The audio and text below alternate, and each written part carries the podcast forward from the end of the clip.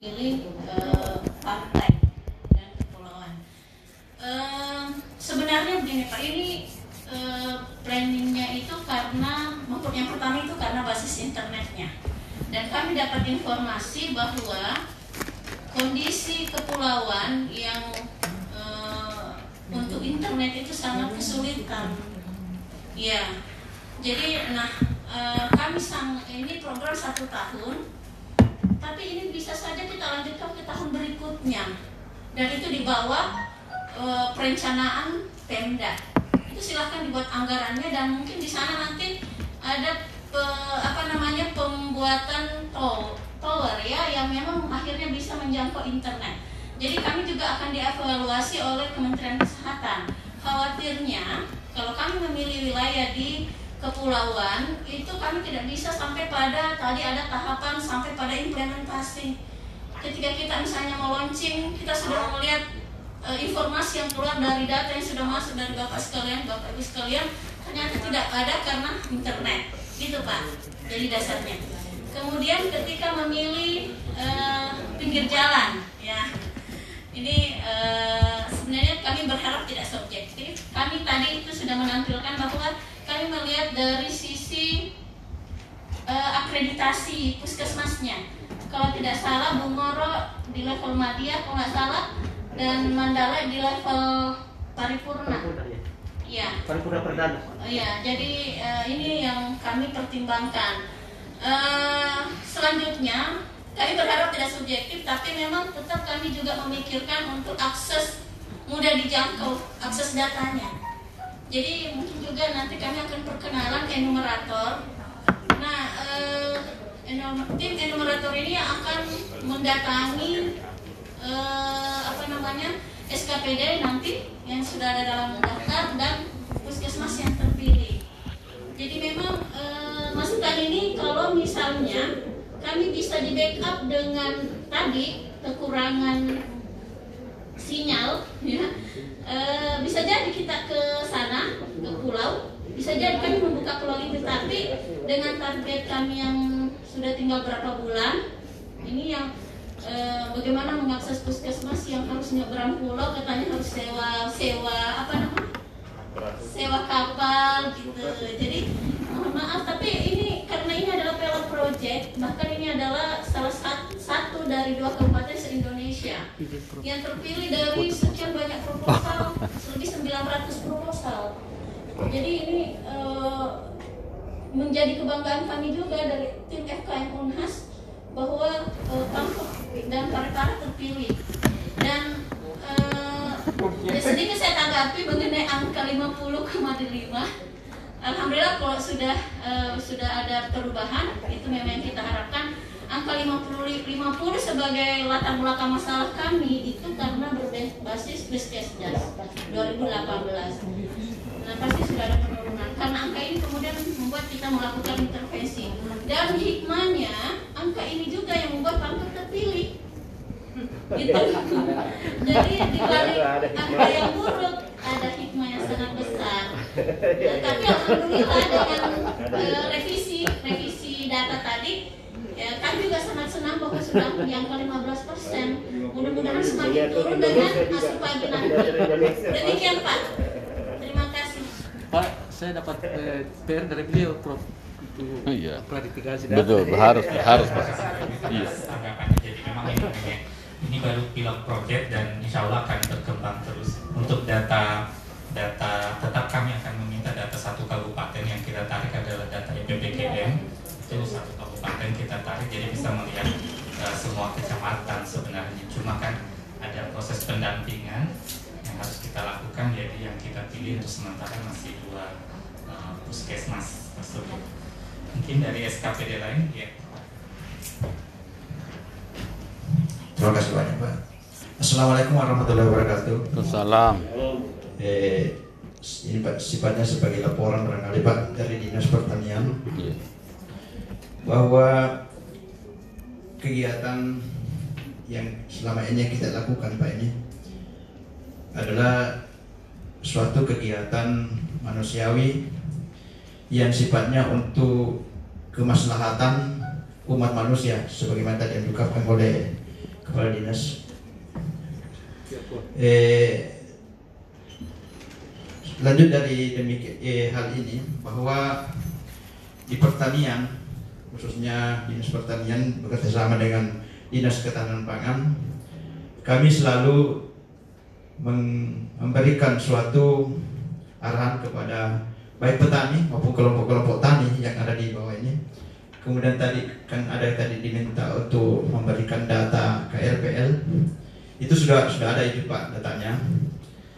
Eh, yang menjadi masalah di sini adalah bahwa masyarakat yang ada di Kabupaten Pangkep khusus ini Pak ini masyarakat eh, yang ada di baik di pegunungan maupun yang di dataran rendah mempunyai suatu kebiasaan yang boleh dikata unik tapi lucu di mana kami selalu memberikan bahwa pentingnya menanam sayur-sayuran baik di pekarangan masing-masing maupun apa lokasi-lokasi ini. Tetapi mereka juga itu lebih senang, Pak. Dia menanam, menanam sayuran itu, tapi dia senang membeli Iya iya iya. sama pagadang-pagadang itu. Iya iya iya. Iya. Iya iya iya. iya. Saya, saya juga ini kenapa ada ada dia tersedia di di belakang rumahnya samping rumahnya, Iya iya. tetapi dia senang juga membeli yang Interaksi. belum tentu Hmm. terjamin apa yang dibeli itu Iya iya. dan itu datangnya dari luar Kabupaten Pangkep Pak kita bisa bayangkan Pak di Tondong pagi-pagi itu sudah ada pagandeng ke sana. Walau Ci sudah ada pagandeng ke sana Pak. Itu jam-jam 8 sampai jam 10 itu sudah ada pagandeng sayuran ke sana itu Pak. Padahal di samping rumahnya ada. Hmm. jadi itu barangkali Pak ya meskipun ada sebagian juga yang sudah sadar itu yang Pak itu mereka mengkonsumsi sendiri. Iya. dan itulah yang se- sebenarnya sekarang ini Pak eh, yang melakukan seperti itu. Makanya Pak tingkat yang dilaporkan dulu itu kepala Bapak Denny bahwa tingkat penurunan stunting itu sudah berada di posisi 15% Pak Iya. sekarang ini Iya iya. jadi itu sudah ada ya. jadi mereka eh, mengkonsumsi sayur-sayurnya sendiri Iya iya. yang bisa dijamin kesehatannya Pak itu. Iya, iya. Artinya organik Pak.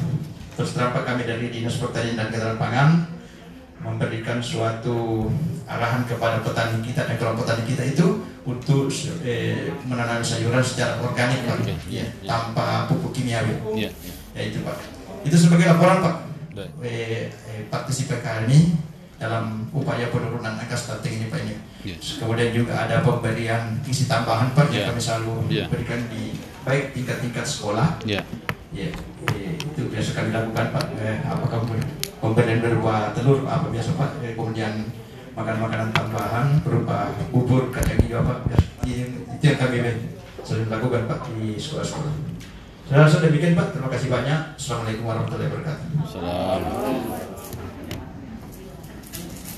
Eh, nanti akan ada tindak lanjut Bapak Ibu dari SKPD terkait data di jika memang eh, kami bisa mengakses data atau diberikan data yang terkait itu karena rencananya akan digabungkan di aplikasi ini misalnya bagaimana distribusi kawasan rumah pangan lestari di kecamatan kalau kita bisa dapat data itu nanti bisa di overlay dengan data-data gizi yang ada di E EPPD EPM mungkin dari SKPD lain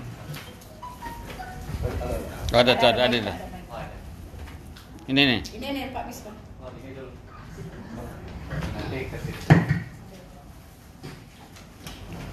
Assalamualaikum warahmatullahi wabarakatuh. Salam. Selamat pagi. Eh, singkat saja Pak, kami dari Ketahanan Pangan eh, sehubungan dengan apa yang tadi disampaikan dari teman Denis Pertanian bahwa perlu sampaikan bahwa pada tahun ini Pak Pangkep barusan tahun ini mendapat P2L eh, 6 tambah satu aspirasi karena Pangkapan termasuk daerah stunting. Jadi pusat memberikan kami eh, suatu kegiatan yaitu dari kawasan Panglestari karena pada tahun ini Pak berubah namanya. Bukan lagi kawasan ruang Panglestari tapi P2L pekarangan pangan lestari tapi artinya sama sama eh, apa isinya tapi cuma tekniknya saja berubah. Ya. Iya, iya, iya. Jadi karena nama harus bisa berubah. Jadi pada prinsipnya sama Pak dari tahun lalu.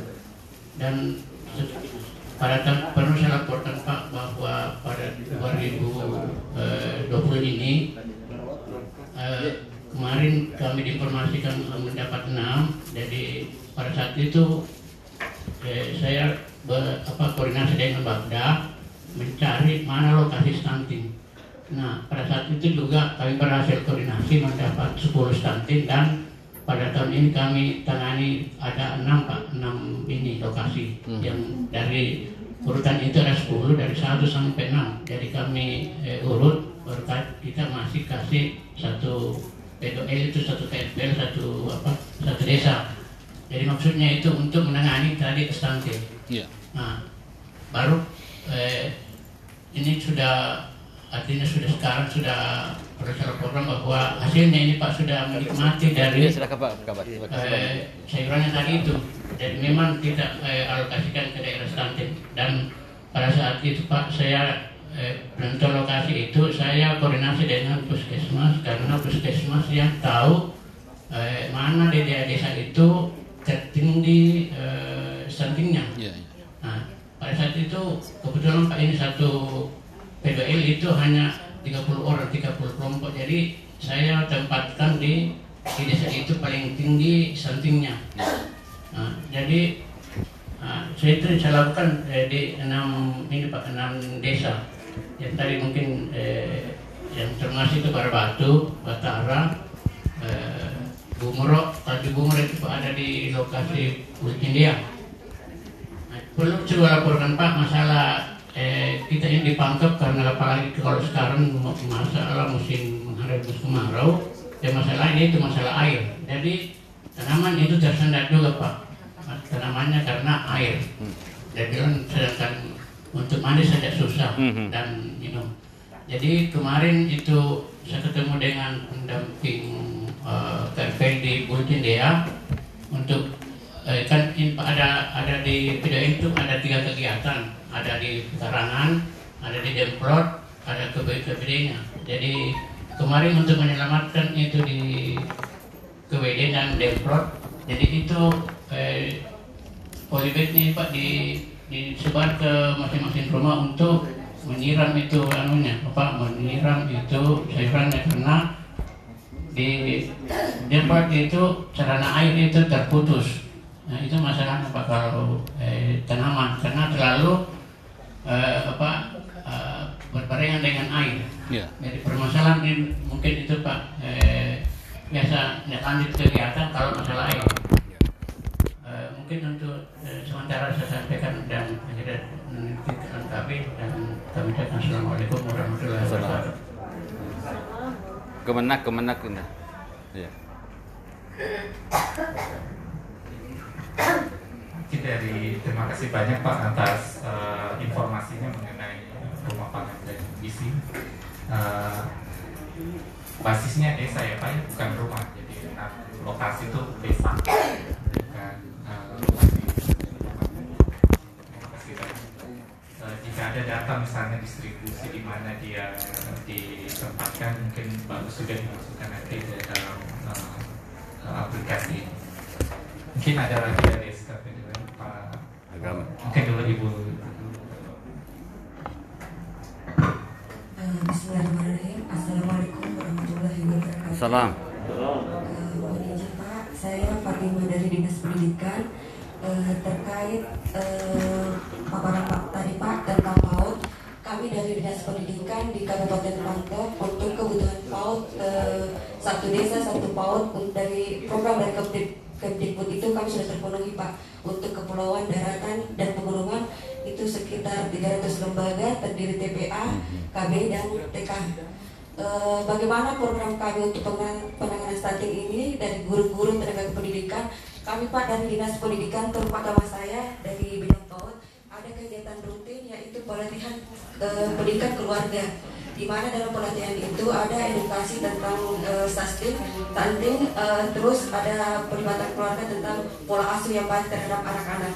Nah terus eh, selain itu Pak kita ada di kurikulum pembelajaran PAUD itu melalui bantu, bantuan operasional PAUD ada kegiatan eh, parenting antara kelu- keluarga dan dan guru kemudian ada pemberian makanan tambahan sehat makanan tambahan sehat melalui eh, bantuan operasional PAUD itu Pak mungkin itu Pak yang bisa Ya. kami sampaikan dari PAUD Terima kasih.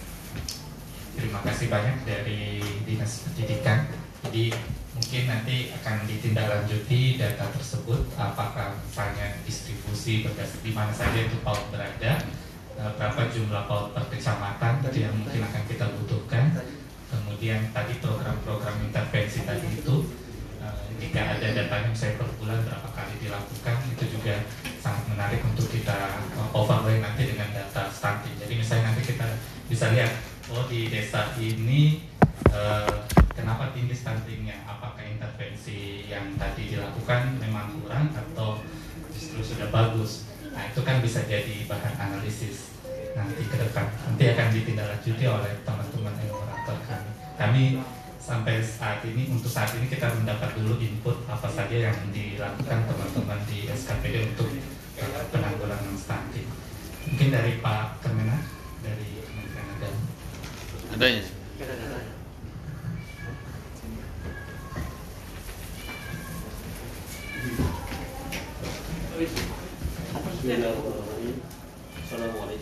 Waalaikumsalam. Selamat pagi, salam sejahtera. Terima kasih atas kesempatan yang diberikan kepada kami. Kami dari Kemenak akan memberikan masukan beberapa hal yang terkait kerjasama selama ini dengan Bapeda dengan Dinas Kesehatan khususnya masalah stunting ini yang kaitannya dengan Kementerian Agama. Tadi saya lihat di sudah dipaparkan khususnya yang kaitannya dengan Kementerian Agama masalah perkawinan. Kemarin juga kita sudah bahas di sini dengan teman-teman kepala KUA eh, pernikahan di bawah umur kerjasama dengan eh, Bapeda dan LSM eh, perlindungan anak. Ini sudah berulang kali, kali kami diskusikan. Adapun kegiatan kami dari Kementerian Agama yang berkaitan dengan stunting ini adalah eh, sebagaimana tadi saya lihat di ditayangkan kursus pranikah. Eh, perlu kami sampaikan di forum ini bahwa kegiatan di Kementerian Agama yang berkaitan dengan perkawinan yang sekarang kita laksanakan ini mulai tahun 2017 sampai tahun ini 2020 adalah bimbingan perkawinan atau bimbing itu pada tahun 2017 kita laksanakan eh, beberapa angkatan dan tahun 2018 kita 2017 itu 11 angkatan kemudian pada tahun 2018 11 angkatan kemudian pada tahun 2019 9 angkatan dan pada tahun ini tahun 2020 eh, 9 angkatan juga akan tetapi eh, dengan eh, karena pengaruh COVID-19 yang anggarannya dialihkan jadi tinggal 4 angkatan perlu saya sampaikan bahwa teknis pelaksanaan bimbing perkawinan itu eh, ada kurikulumnya. Jadi ada eh, DPR-nya dan pelajarannya harus diselesaikan. Kemudian kita kerjasama dengan eh, dinas kesehatan untuk eh, termasuk materi kesehatan reproduksi. Ya Eh, dari dinas kesehatan itu eh, selalu rutin kita kerjasama eh, dari kalau bukan dari dinas kesehatan eh, dari puskesmas yang melakukan materi jadi itu kita laksanakan selama dua hari.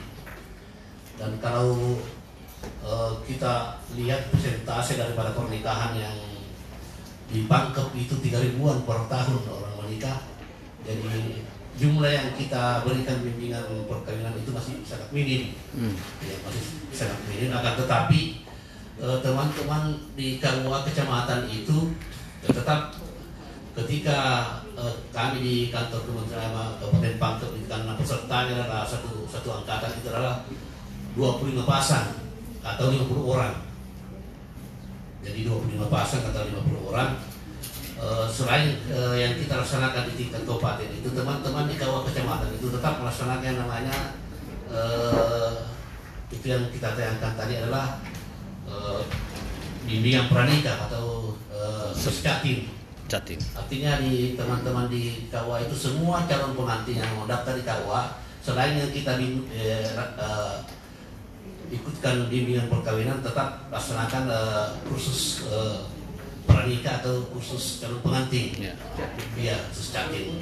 Jadi yang tidak sempat kita eh, laksanakan ikutkan di bimbingan perkawinan teman-teman KUA itu tetap memberikan eh, penyegaran kepada calon pengantin eh, khususnya masalah persiapan eh, menghadapi kehidupan berkeluarga. Termasuk di sini sangat penting eh, kita sampaikan kepada teman-teman KUA karena di KUA itu ada ada beberapa komponen termasuk eh, penyuluh di KUA kecamatan menyampaikan eh, pencerahan kepada calon pengantin termasuk kita eh, memberikan bagaimana tinjauan kesehatan eh, menurut agama khususnya kepada calon-calon pengantin sudah berapa kali kita adakan kerjasama dengan teman-teman dari dinas kesehatan?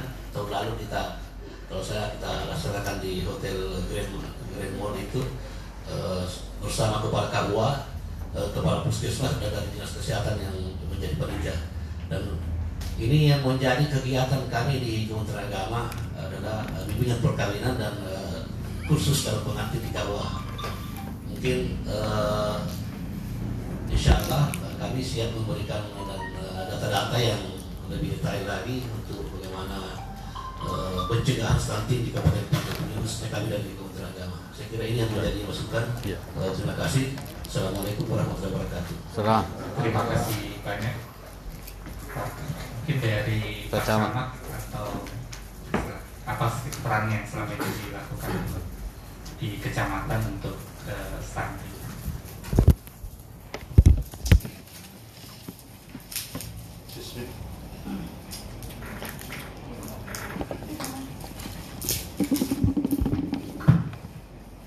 Bismillahirrahmanirrahim Assalamualaikum warahmatullahi taala wabarakatuh Salam. Yang kami hormati Bapak Ketua Tim Prof. Ridwan beserta anggota timnya Bapak-bapak dan ibu pimpinan OPD yang mewakili dan Bapak-bapak dan ibu peserta rapat eh, peng- pengembangan asipadi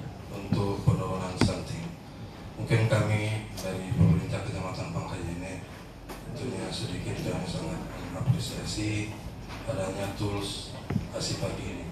Jadi mudah-mudahan tentunya dengan adanya tools ini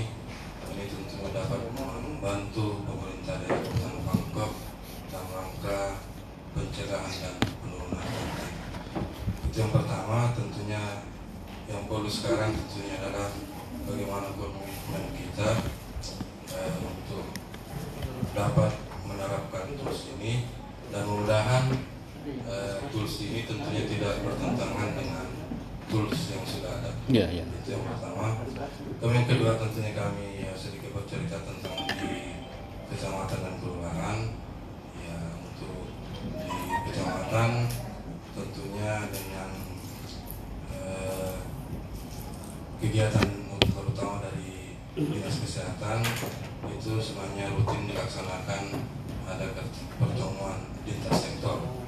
Jadi tentunya dari pertemuan itu ya hal-hal yang menyangkut bagaimana penyelenggaraan kesehatan persoalan kesehatan di tingkat kecamatan maupun kelurahan itu dibahas. Tentunya ada masukan-masukan dari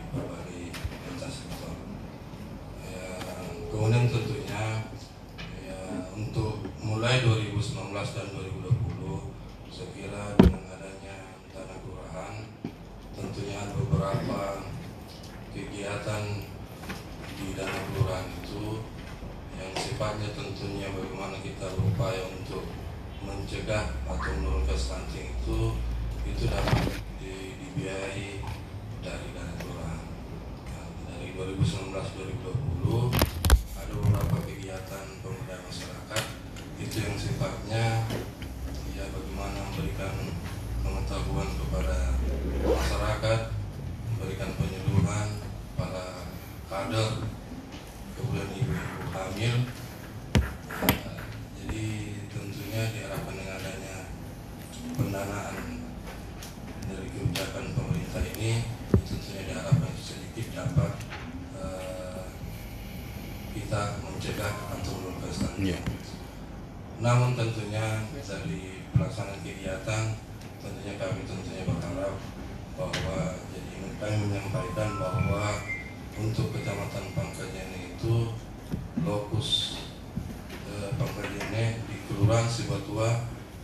termasuk lokus stunting Iya. untuk 2020 kemudian di 2021 tentunya ini menjadi pertanyaan juga Iya. artinya apakah memang tidak ada perubahan ya sehingga kembali di 2021 Iya. kelurahan Sibatua itu ditetapkan kembali di, Hmm. di lokus Iya, iya, iya. ini mungkin perlu jadi bahan evaluasi bagi kita kira-kira di mana kelemahan atau kekurangan kita dalam melaksanakan kegiatan ini Hmm. Kira-kira demikian. Baik. Terima kasih. Banyak Dari dinas mana? dari Dinas Pemberdayaan Masyarakat Desa? Atau PU? Pak dari dari tim teknis. oh tim tenis. Oh iya iya. Ada dari PU? Oh iya perlu Perumahan. Bisa dipaparkan Pak ada program terkait stunting Dari kami di sini belum belum bergabung. Oh, Iya iya. Assalamualaikum warahmatullahi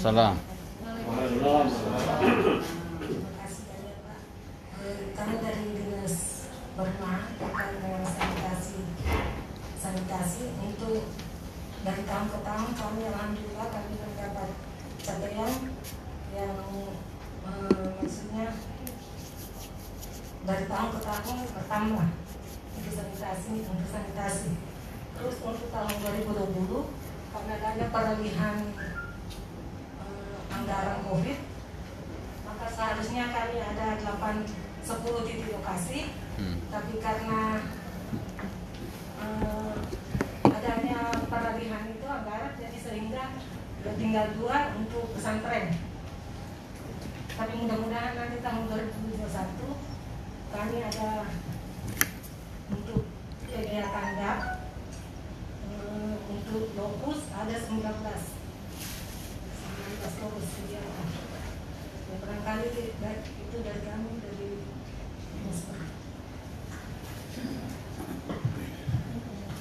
Kalau masalah air bukan di Oh di tata ruang. Ada dari tata ruang air bersih.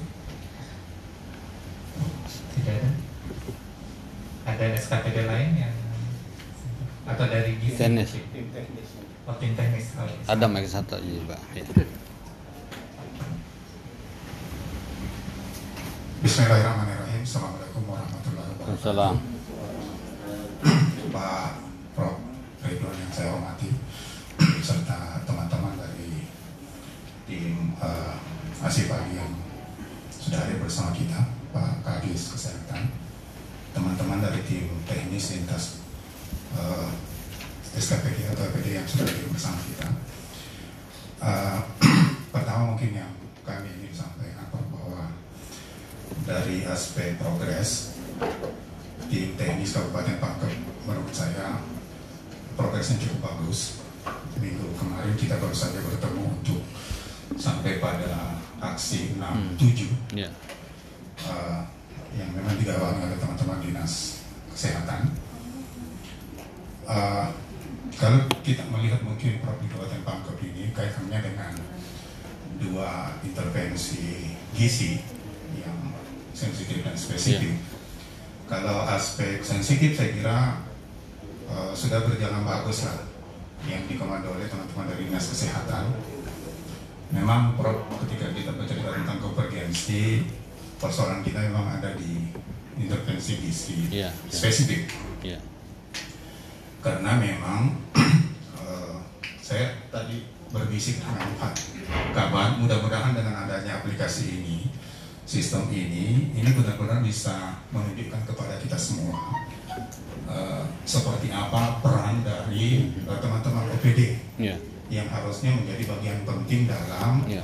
eh, bukan hanya sebanyak eh, menurut mencegah itu menjadi hal yang sangat penting untuk eh, kita eh, bisa memastikan bahwa stunting kita bisa benar-benar turun Nah, eh, harus diketahui bahwa eh, di setiap pertemuan kita memang itu kita masih sangat sulit untuk eh, mendapatkan informasi yang komprehensif mengenai teman-teman dari eh, OPD.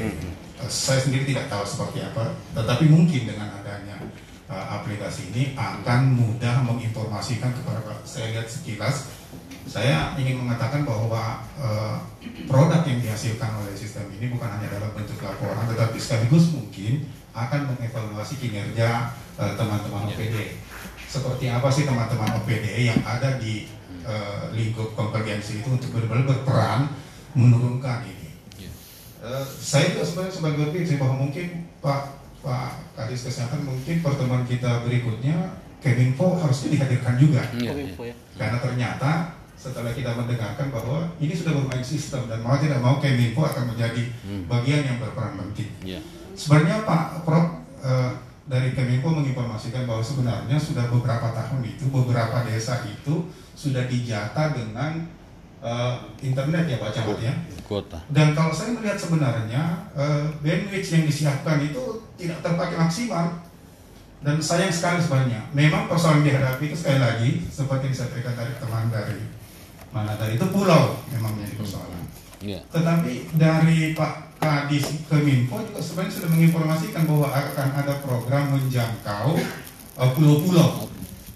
Tetapi sebenarnya mitra Pemda Kabupaten Pangkep, Kompak, itu sebenarnya sudah me- apa itu membangun apa ya semacam tower di beberapa pulau yang bisa menjadi transitnya sinyal untuk bisa dimanfaatkan di situ.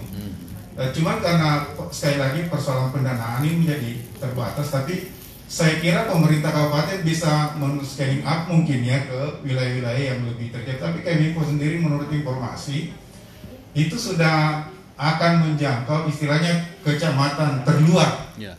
untuk bisa mengakses eh, apa eh, paling tidak ada sinyal ya yang bisa diakses di situ. Sehingga memang eh, apa pertama tadi itu mungkin di yang kedua mudah-mudahan eh, apa apa yang diproduk oleh eh, eh, sistem ini nanti benar-benar bisa eh, memicu teman-teman OPD yang ada masuk dalam konvergensi itu untuk benar-benar memainkan perannya eh, semaksimal mungkin untuk apa eh, bisa memicu turunnya eh, angka stunting ini. Eh, memang juga kemarin kita masih ada apa ada masalah dengan eh, apa pendata data kita ya karena sekarang ini seperti tadi dikatakan bahwa angka 50% itu yang sebenarnya masih terekspos ke mana-mana meskipun memang eh, di itu kita sudah ada di di, di angka eh, 16 ke bawah persen ya.